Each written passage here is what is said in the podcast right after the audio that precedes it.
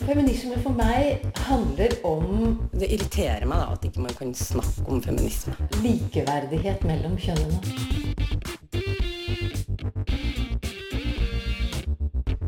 Det blikket på kvinnen på film. handlet det om å bli tatt på alvor som jente.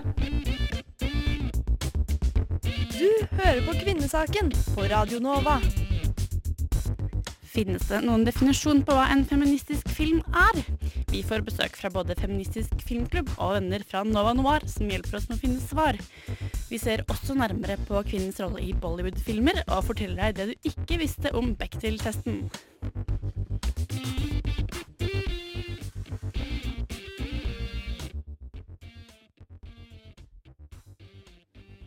Endelig så er vi tilbake etter juleferie. Deilig. Ja, herlig. Ja, Du hører altså på Radio Nova sitt eh, partipolitisk nøytrale feministiske program, som eh, prøver å finne ut hva feminisme egentlig kan være. Og i dag så skal vi snakke om film og feminisme. Og her i studio så hører du meg, Eline Hystad, og, Lisa Aasbø. og tekniker er Isak Ree. Film og feminisme, har du noe Hva tenker du egentlig, Lisa? Du sa at du egentlig ikke var så stødig på film. Nei, eh, jeg er egentlig ikke det, altså. Eh, det er liksom ikke min sterkeste side. Men jeg har liksom litt tanker. Ja. Det er jo eh, en film med en sterk kvinnelig hovedrolle, eller der kvinnen ikke bare liksom er veldig passiv, Ja. tenker jeg, da. Jeg ble veldig forvirra over hvor ekstremt mange vinkler det går an å ha til det her også. For man kan jo tenke at det er feministisk med en kvinnelig regissør, eller Mm. eh, flere i produksjon, eller altså sånne nøkkelroller, da, som vi snakka mye om i norsk kulturliv nå. Mm. Og så kan det vel også være feministisk at selve historien og plottet i filmen er eh, jeg holdt på å si feministisk. Ja.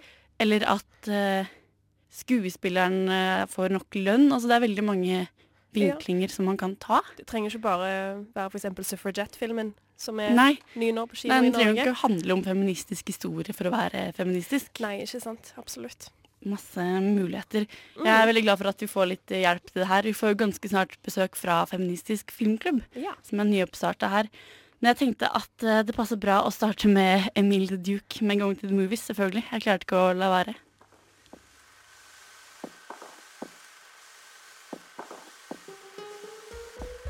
Nå har vi fått eh, besøk her i studio av Helene Aalborg og Mona Sjøli. Dere er leder og PR-ansvarlig, riktig? Stemmer. I Feministisk filmklubb, som er ganske nyoppstarta. Ja, vi, ja, vi starta den for så vidt egentlig opp eh, sommeren 2014, men så plutselig flytta jeg til utlandet i et år. Så vi har liksom tatt den opp igjen. Det er først nå det begynner å skje ting med den. Så nå er vi veldig gira, alle vi tre som er med. Men bare lurer på, hvorfor, eh, hvorfor har du lyst til å vise feministiske filmer, egentlig? Det er veldig interessant å eh, vise film innenfor et smalere perspektiv. Og vi er jo alle tre feminister, så hvorfor ikke? Jeg har drevet mye med feminisme, altså feministisk filmteori og den slags gjennom både studier og jobb osv. Og, så og syns det er en veldig spennende måte å, å, å rett og slett vinkle inn filminteressen på. Og samtidig som jeg er veldig opptatt av å kunne vise fram eh, altså bredden i hva som fins av både filmhistorier og filmskapere og osv. Og da er det å fokusere på, for meg, da, det å fokusere på kvinner i film, både kvinner som jobber med film og kvinner, altså kvinnelige karakterer, er, eh, er noe jeg er veldig opptatt av for å få vist fram bredde, som sagt. Mm. Dere har ikke hatt noen visninger eh, ennå, som dere sa, men eh, dere har snart visninger utover januar? Vi planlegger, eh, vi holder nå på å liksom spikre detaljene rundt vårt aller første arrangement, så vi kan ikke gi noen detaljer helt ennå, men i løpet av februar eh, vil, kan jeg nok med relativt stor trygghet si at det blir både filmvisning og en lanseringsfest, som selvfølgelig alle er invitert til.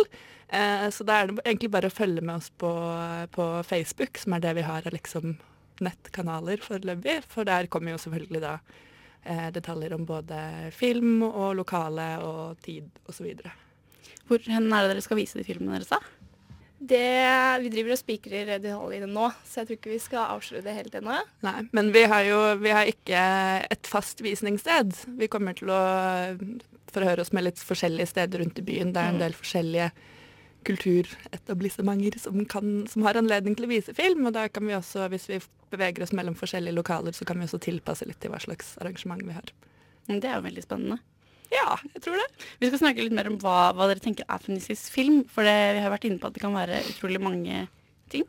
Um, her er uh, in Sound Horn OK Please først med Strangers.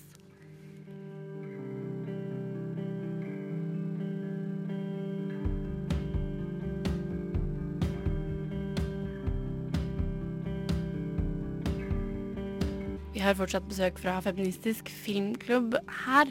Og jeg lurer på, når dere skal sette opp feministiske filmer, hva er det dere ser etter da? Eh, det kan være ganske mye forskjellig. Eh, som dere var inne på før vi kom inn, så er det jo mange måter å se på det på. En ting som jeg nevnte, er eh, å få kvinnelige filmskapere litt sånn opp og fram. Noe annet er jo å se på hva slags historier filmene forteller, og også hva slags perspektiv filmen fortelles fra.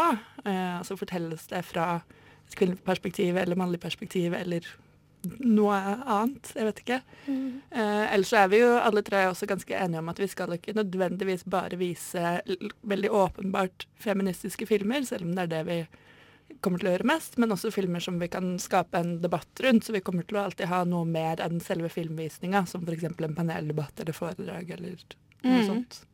Ja, for Det virker, det er inntrykk av når jeg leser på nett om feministiske filmer, så er det hele tiden debatter. Det er sånn, Er Mad Max superfeministisk eller ikke feministisk i det hele tatt? Eller det, det er veldig åpent, virker det som. Man kan legge vekt på det man selv vil.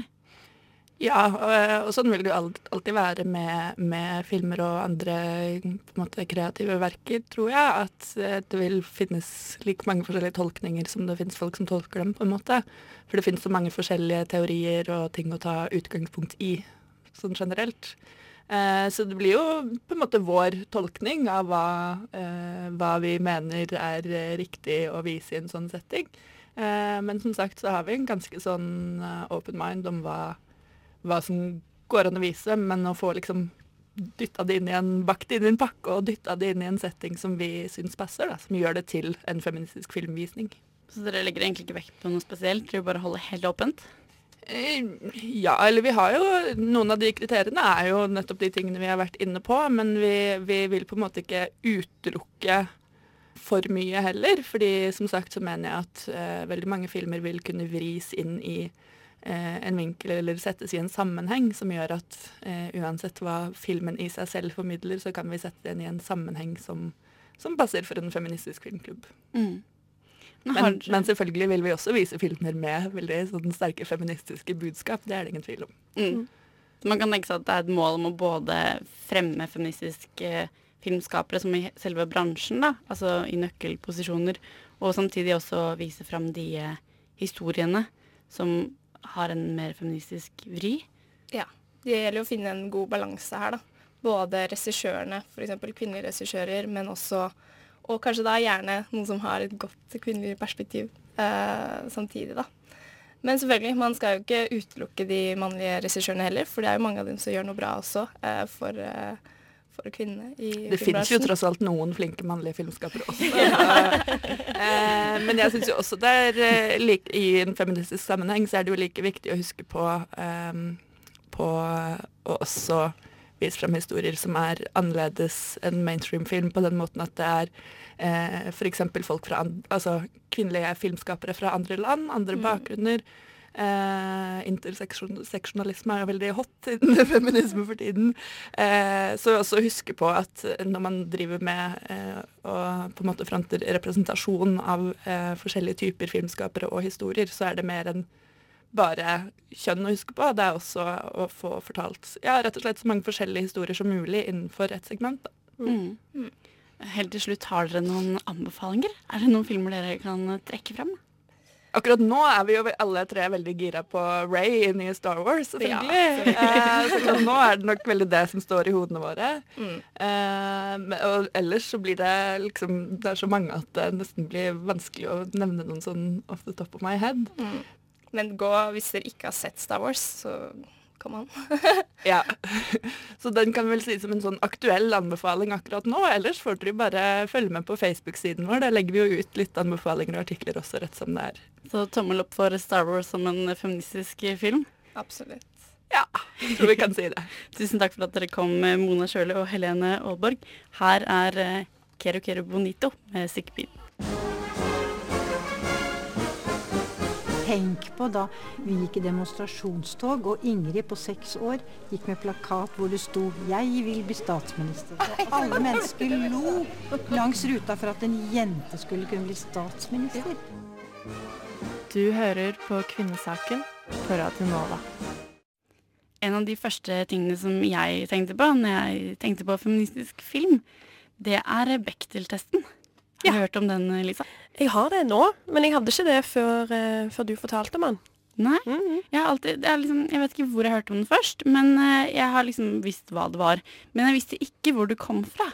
Nei. Fordi at Bechdel-testen den stammer fra en tegneserie av ei som heter Alison Bechdel. Den tegneserien heter Dykes to Watch Out For. Eh, Så den ble egentlig skrevet til en sånn feministisk, lesbisk tegneseriesetting. Og i den tegneserien så diskuterer to av karakterene film. Og da sier den ene karakteren at uh, for at en film skal være bra nok for henne i et sånn kvinneperspektiv, så må den tilfredsstille tre krav. Den må ha minst tre kvinner i seg. Og disse her tre kvinnene de må snakke med hverandre, og de må snakke om noe annet enn en mann. Ja. Det høres jo egentlig ganske greit ut, men det er eh, tydeligvis ikke så veldig greit. Nei. Uh, vi har vært inne litt og sett på hvilke filmer som består og ikke består, og det er veldig mange som, som ikke består. Mm. Eh, og da tenker jeg at det enten er fordi at de ikke har nok kvinnelige karakterer, og gjerne fordi at de snakker veldig, snakker veldig mye om menn når de først snakker, liksom. Ja, for når man begynner å tenke over det, så er det gjerne det de gjør. Altså, de snakker om en relasjon til en mann, og det behøver ikke bare å være en kjæreste, men kanskje at de bare er opphengt i bestefaren sin som er død, Ja, eller noe sånt, da. ikke sant? Ikke så mye framtidsrettahet, kanskje. Mm. De typiske high school Hollywood-filmene liksom, de handler jo gjerne om kvinner sitt liv, som handler om menn. Mm. Så tro, Du tror de handler om kvinner, men så egentlig så handler de om menn, de òg, liksom.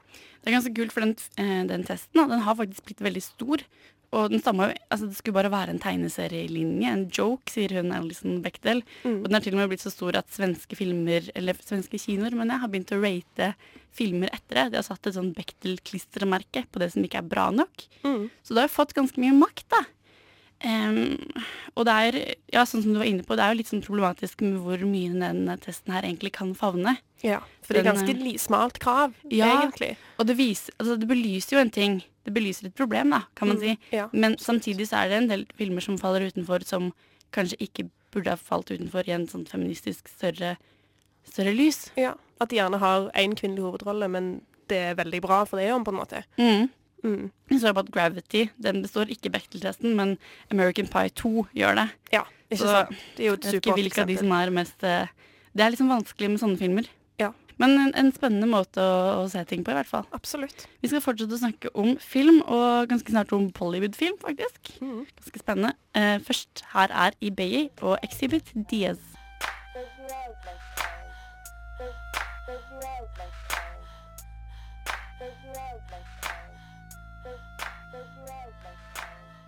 Har du noe forhold til Bollywood-film, Lisa? Nei. Eh, jeg har eh, ikke sett noen eh, indiske filmer eller Bollywood-filmer, men jeg kan se for meg at liksom, for, altså, mine fordommer er liksom gjerne at de er litt sånn voksne versjoner av Aladdin. Med masse sånne glitter og lys og wow, fine kjoler. Men eh, Det er ganske kult å google, google Bollywood-film. Bilder. For det er skikkelig mye fine farger og skjerf og glitter. ja, veldig. Men der stopper liksom vår kunnskap, virker det som. Noe som kanskje ikke er så bra. Nei. Men, eh, men i hvert fall så er det sånn at på 40-, 50- og 60-tallet så ble kvinnene portrettert som ganske sterke og realistiske da, i den indiske Bollywood-filmen. Mm. Og så skjedde det en endring utover 70-tallet, og kvinnerollene de ble sånn som vi har lært å kjenne dem i dag. Litt mer sånn i tråd med en Hollywood-typisk klisjéfilm. da. Mm. Mm.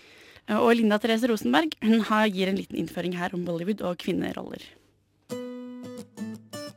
farger, dans, musikk og melodramatiske kjærlighetshistorier.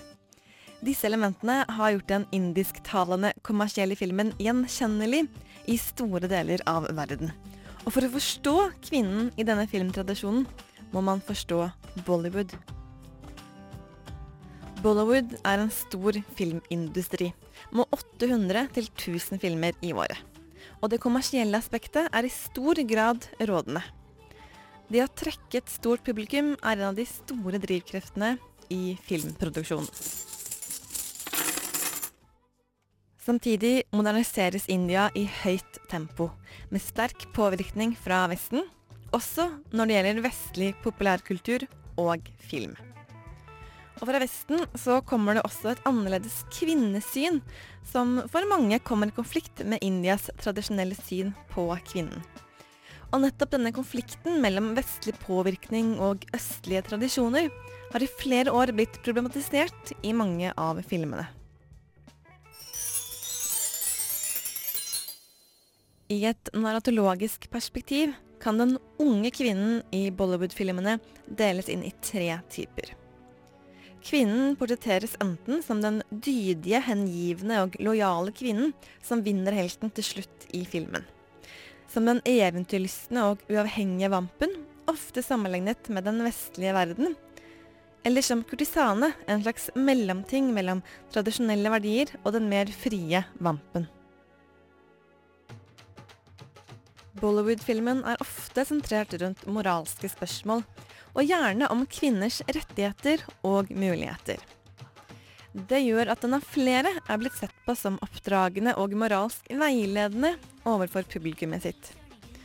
Moralen er ofte at kvinnen i filmen må leve etter mer tradisjonelle normer skal hun bli lykkelig.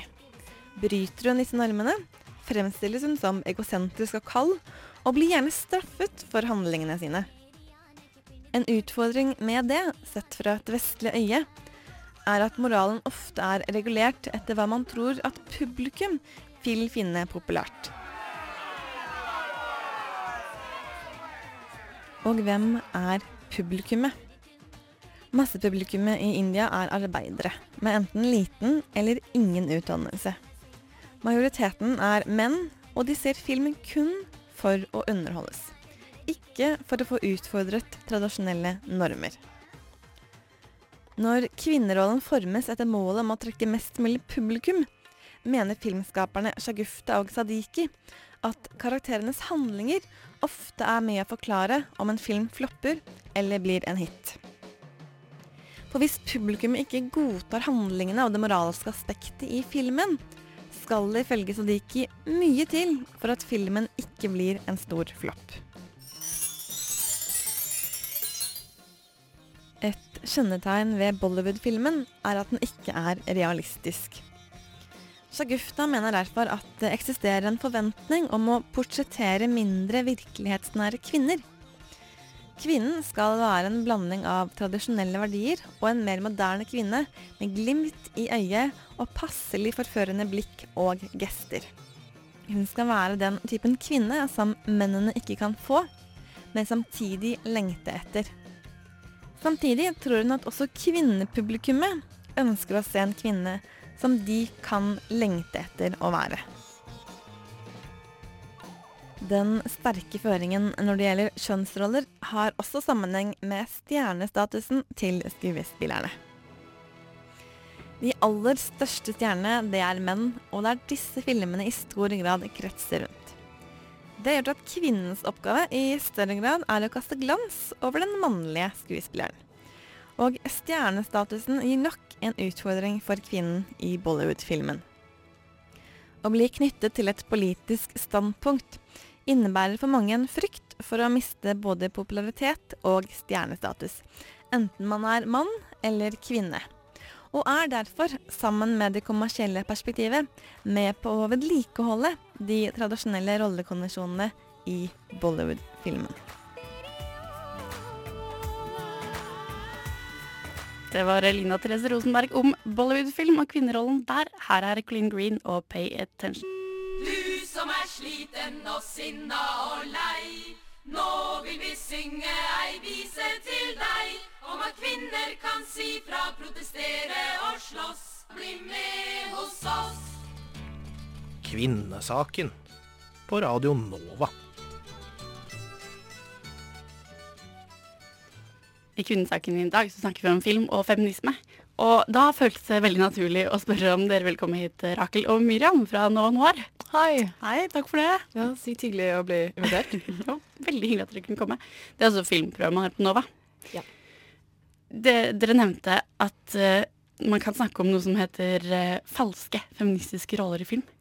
Ja. ja. eller det er ofte det jeg tenker på, da, som, eller, som er egentlig mer irriterende enn bare sånn dårlig skrevne roller. Det er sånne roller som er liksom eh, maskert som sånne sterke individer som kicker ass, sånn type Black Widow i eh, Avengers, men som egentlig bare er der for menns enjoyment. For hvorfor skal hun liksom ha på seg sånn lateks eh, antrekk, og de blir veldig ofte seksualisert. Også et annet veldig godt annet, eh, eksempel er Laura Croft i Tomb Raider, som bare er sånn å ja, hun er kjempefeministisk, men sinnssykt eh, egentlig seksualisert. Sånn at når det kommer til stykket, så har de egentlig ikke noen intensjoner, da. Nei, ja. være der. Og det er ofte sånn der, eller sånn, Spesielt nå som på en måte i de siste årene, når liksom feminisme på en måte er veldig sånn i tiden, eller sånn, det er mye fokus på det i media også, så har det liksom blitt litt sånn Så føler jeg det er litt sånn med en gang det er en litt sånn kickass, eh, badass kvinnelig hovedkarakter, så er det på en måte Blir det liksom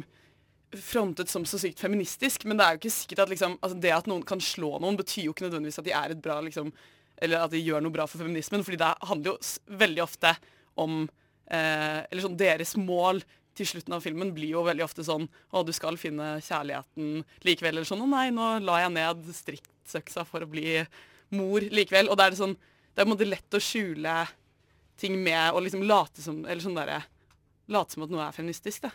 Det er jo ikke akkurat innovasjon heller da, i feministiske roller med en, med en kvinne som kjemper. Nei, det det har det. vel finnes ganske lenge. Mm.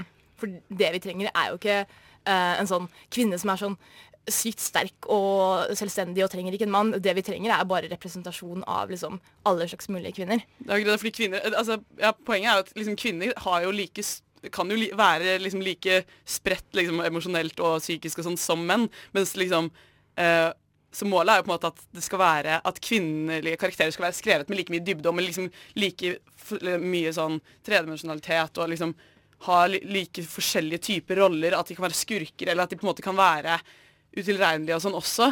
At de ikke nødvendigvis må være sånn et godt feministisk forbilde for å være bra for feminisme, men istedenfor at de bare er sånn å, den ene sidekicken eller love interest, eller at de på en måte bare er et mål for en mannlig karakter, da. Jeg vil si at Det er bare 23 av uh, filmer som har kvinnelige protagonister, og det i seg selv er jo ganske eh, ille. Ja, det er jo helt uh, Så dere tenker at bare det at det er en hovedperson og en, en, en større karakter enn en hjelpefigur for mannen, er uh, feministisk, da. Og så er jo det problemet at ofte når man lager en film, så er liksom default er det en mann, hvis det ikke handler om det å være kvinne. Uh, samme som hvis man skal lage en film om en homofil person, så blir det liksom Det handler enten om å være homofil, eller så er det ikke hovedpersonen. Uh, og det samme er det for kvinner.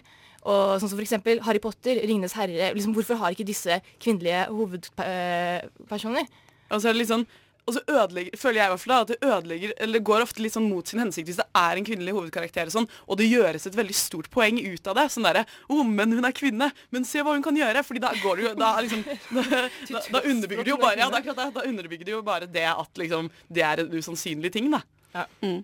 Vi skal fortsette å snakke med dere, Miriam Mirakel. Her er eh, Misan K med 'Anxious'. Misan K med 'Anxious' der. Vi snakker om film og feminisme i dag. Og en av de eh, filmene som du nevnte først, Lisa, det var en dokumentar som heter 'Misrepresentation'. Ja, det stemmer. Jeg har ikke sett den, men alle andre her har sett den, og det virker som den er veldig viktig. Ja, Den kan anbefales veldig sterkt. Eller Den handler jo bare om på en måte, eller den handler på, ikke bare om film, da, men hvordan kvinner blir representert, eller misrepresentert, da, i media generelt. Både gjennom liksom reklame og altså politikere, hvordan de blir, kvinnelige politikere, hvordan de blir liksom satt opp mot hverandre. Og på Dømt måte om- for utseende i tabloider. Sånn, nå, å, se hva Hillary har på seg. Hun ser sliten Mm. ut. Ja, det er litt sånn Who worried best? Sarah Ja. Palin eller Hillary Clinton, istedenfor at man skal ta dem seriøst da, som Ja. Nei, som, ikke som skuespillere, men som politikere. og mennesker. Men det er vel Ja, den greia som, eh, som de har drevet med mye i skuespillerbransjen, sånn som når de kødda med de nail cam-greiene på Oscar-utdeling og, og sånne ting. Det er veldig fokus på hva du har på deg og mm. Men så er det jo mange Eller sånn som med de nailcam-greiene sånn, så er det jo liksom I hvert fall nå så har det jo begynt med liksom at flere skuespillere og sånn også liksom kommenterer det og liksom tar litt avstand fra det og er sånn derre Gjør dere dette med mannlige Mm. skuespillere også? Og det er jo en bra utvikling at man på en måte i hvert fall er litt var det, da. Og at liksom man setter litt spørsmål ved hvor latterlig det er. på en måte. Og det er det som er så bra med den misrepresentation, fordi den gjør jo den sier sånn fordi Vi snakket jo litt om hvor, at det kanskje virker litt banalt og litt sånn selvfølgelig, men det er jo sånne ting man ofte glemmer, og de sier det på en veldig sånn en veldig bra måte, og så har de fakta som backer opp det, og eksempler. Mm. Så du blir veldig sånn eh, bevisst på det, da. Det er kult når det kommer lenger enn bare sånn eh, Nei, vi er underrepresentert. Og så på en måte, Ja. For det stopper jo gjerne der, da, syns jeg. Ja, sånn at du får litt tall. sånn der, Så Ja. og så mange er protagonister og sånn. Og det er jo på en måte, det er jo selvfølgelig en viktig del av det, at man liksom kan se på ordentlige fakta og sånn. Men, men jeg er helt enig. Det, altså, det er jo ofte at man ikke kommer sånn Hva gjør dette egentlig med samfunnet, liksom? Hva gjør Mm. dette egentlig med på en måte barn, da, for eksempel? Eller sånn der med hvordan vi tenker om kjønnsroller i liksom hverdagen, og hva de, liksom, hvordan det påvirker oss. Så liksom og litt på hvordan du Altså hvordan kvinner blir um, framstilt i film, og når du på en måte du har sett den der dokumentaren, så kan du på en måte- ikke unngå å, å legge merke til det senere etterpå. Så den forandrer veldig mye på en måte med deg. Du får litt sånn wow! Shit, Mm. er det sånn det er, liksom? Ja. Så det er òg veldig bra med Og jeg tror det er eh, veldig lett å ikke legge merke til det. Og ikke tenke over det at faktisk eh, Sånn som dere snakket om Bechdel-testen tidligere. At man ikke tenker over det at eh, de fleste filmer faktisk ikke består denne testen. Eller at, eh, eh, at eh, kvinner enten er sånn eh, søte, pene kvinner, eller så er de ond stemor. Eh, Ja, men det er sånn, sånn som du sier, det, at man tenker altså, At du får deg til å tenke så mye over ting. Altså sånn Altså selv bare sånn alle high school-filmene jeg har elsket liksom gjennom ungdomsskolen sånn. Altså det er jo bare sånn Oi, alle bygger jo på det der konseptet om sånn Ja, OK, du er en nerd, men hvis du tar av deg brillene og tar på en fin kjole og går på dansen sånn, så kommer alle til å elske deg, og det gjør deg verdig som en person. Og så blir det bare sånn Vent, egentlig så er det jo så banalt på en måte at eh, det er så mange filmer som bare fremstiller liksom kvinnelige Eller sånn verdien til kvinner, da, på en måte. Så Mm. utrolig feil. Så den dokumentaren viser at det er et mønster som blir til hele samfunnet, eller? Ja. At hvor eh, stor innvirkning det har for liksom, fremtiden og barn, og hvordan det er på en måte egentlig bare en sånn ond sirkel som gjør at du kjøper inn i det selv. da. At det, fordi Folk kommer jo ofte med argumentet om at ja, men det er jo vi som går og ser på de filmene her. Og er vi, vi støtter jo opp under reklamebransjene, og vi kjøper tabloidene. Men det kommer igjen fra en allerede liksom underbygd tanke sånn, eh, i underbevisstheten, eller som vi er sosialisert til fra vi er barn, eh, om at vi må være pene og søte. og ja. Ja, Og ikke liksom ta for mye plass, kanskje. og liksom, sånn, Som vi snakket om, så er det ofte altså Det er så mange sånne romantiske medier for eksempel, som er sånn Hvis det er en karrierekvinne, da, så går, det, går liksom proble- problematikken ut på sånn Å, nå- å, hun er karrierekvinne, hun gjør det kjempebra, men hun feiler fullstendig i kjærlighetslivet. For det er på en måte umulig for en hun kvinne å klare alt. da. opptatt. Ja. Og så møter hun en laid-back fyr som får henne til å slå ut håret. Og, Ja. ja. og så En veldig viktig sånn ting i den dokumentaren som jeg husker veldig godt, er at de sier du kan ikke bli det du ikke ser. Eh, altså Man kan jo det, men det er jo vel, da er det vel mye vanskeligere. Altså, Hvis du ikke du ser representerte kvinner som politikere, toppolitikere eller som uh, toppsjefer i en stilling som fortsatt faktisk er lykkelige og har en familie også, så er det veldig vanskelig å tro at det er noe man kan bli. da. Som også er grunnen til at uh, etter hvert som man blir eldre, så blir ikke, har man ikke store, like store ambisjoner som det man kanskje hadde da man var liten. da. Mm. Vi skal fortsette å snakke om det her og litt mer om barn, og hva, hva barn, barnefilm gjør med oss. Her er Hints og Garden først.